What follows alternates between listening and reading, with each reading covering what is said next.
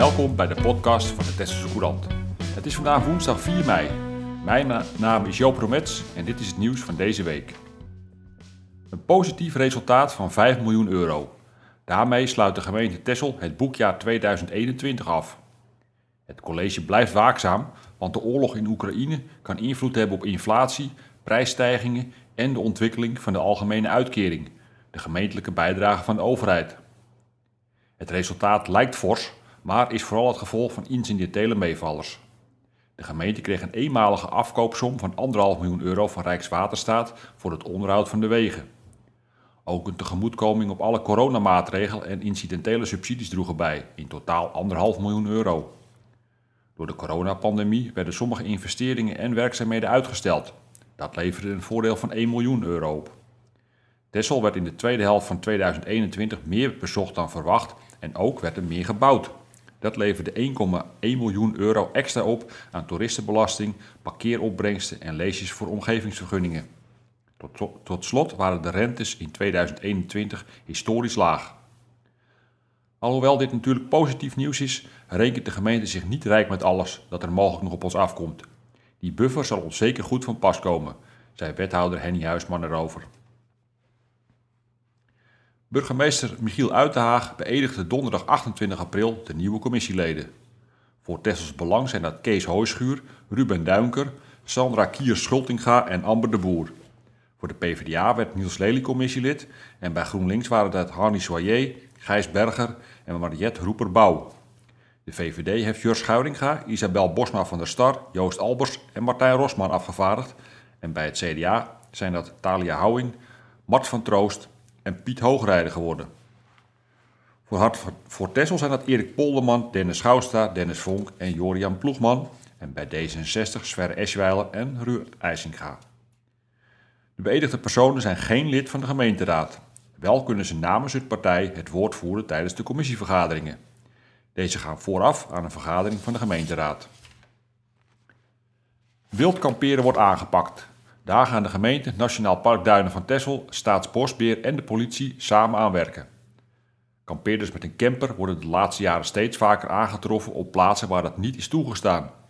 Overnachten mag alleen op een van de officiële camperplaatsen. Er komt extra voorlichting over het verbod op wild kamperen en de camperplaatsen en wildkampeerders zullen in de komende vakanties en drukke weekenden worden beboet. Op het aantal camperplaatsen op het eiland is kritiek. Er zijn er meer in andere gebieden van het land, de tarieven zijn er lager en je kunt er zonder reservering terecht. De Meijerblis keerde zaterdag 30 april terug, na twee jaar afwezigheid omdat de coronamaatregelen dat verhinderden. De traditie is niet in vergetelheid geraakt. Er was massale belangstelling voor de vreugdevuren in de verschillende dorpen.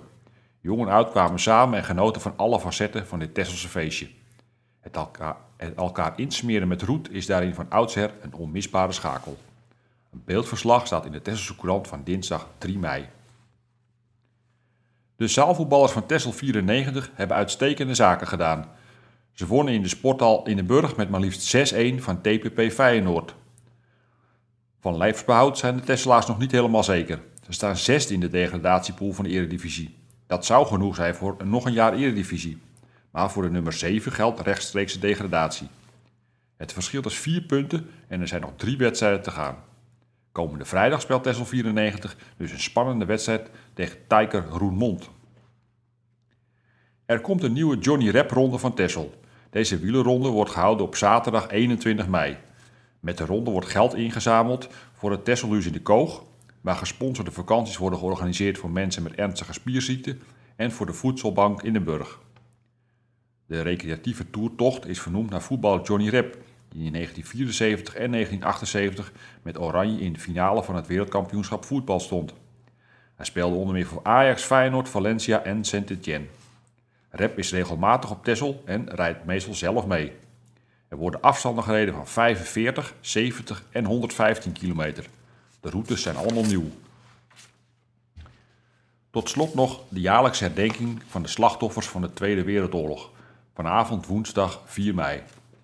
Om 5 over 6 vanavond vliegt een Britse Lancaster over het centrum van de Burg en langs de algemene begraafplaats aan de Kogelstraat. Ed de Bruin, havenmeester van Texel Airport, verzorgt de coördinatie. Om kwart voor zeven begint de herdenkingsdienst in de Burgt aan de Binnenburg in den Burg. Gastspreker is mevrouw Truus Witte, geboren als René Allegro. Haar ouders vonden een veilige plek voor haar bij een katholiek echtpaar in Zwanenburg. Ze werd door het echtpaar gedoopt en kreeg de naam Geertruida Apollonia Maria Wortel. Ze vertelt over haar leven in en na de oorlog. Verder zijn er bijdragen van leerlingen van het basisonderwijs en het voortgezet onderwijs, verschillende muzici, het kamerkoor van Artex en van Tessels eilanddichter Fiet van Beek. Haar gedicht staat in de krant van vrijdag 6 mei en nemen we op deze bijzondere dag mee in deze podcast. Het gedicht heet Gedenkgedachten. Ik stond in de rij van de snackbar. De man voor mij was kort van stof. Oorlog met ui. En één zonder, zei zijn vriendin. Ik dacht aan een land waar oorlog een verboden woord geworden is. Dat ons nu laat zien hoe het toen geweest moet zijn en hoe het nog had kunnen zijn zonder een 5e mei. Ik dacht aan de mensen aan wie ik ook denk in de twee minuten. De Joodse vrouw die zelfs geen verre neef meer had. De kinderen zonder vader. De tien mannen van de mok. En aan mijn hoogbejaarde tante, die elke eerste maandag om 12 uur siddert van het luchtalarm. Want dat is wat zij hoort. Ik dacht aan de nieuwe beelden. Een hand met roodgelakte nagels. Zwart geblakerde stenen.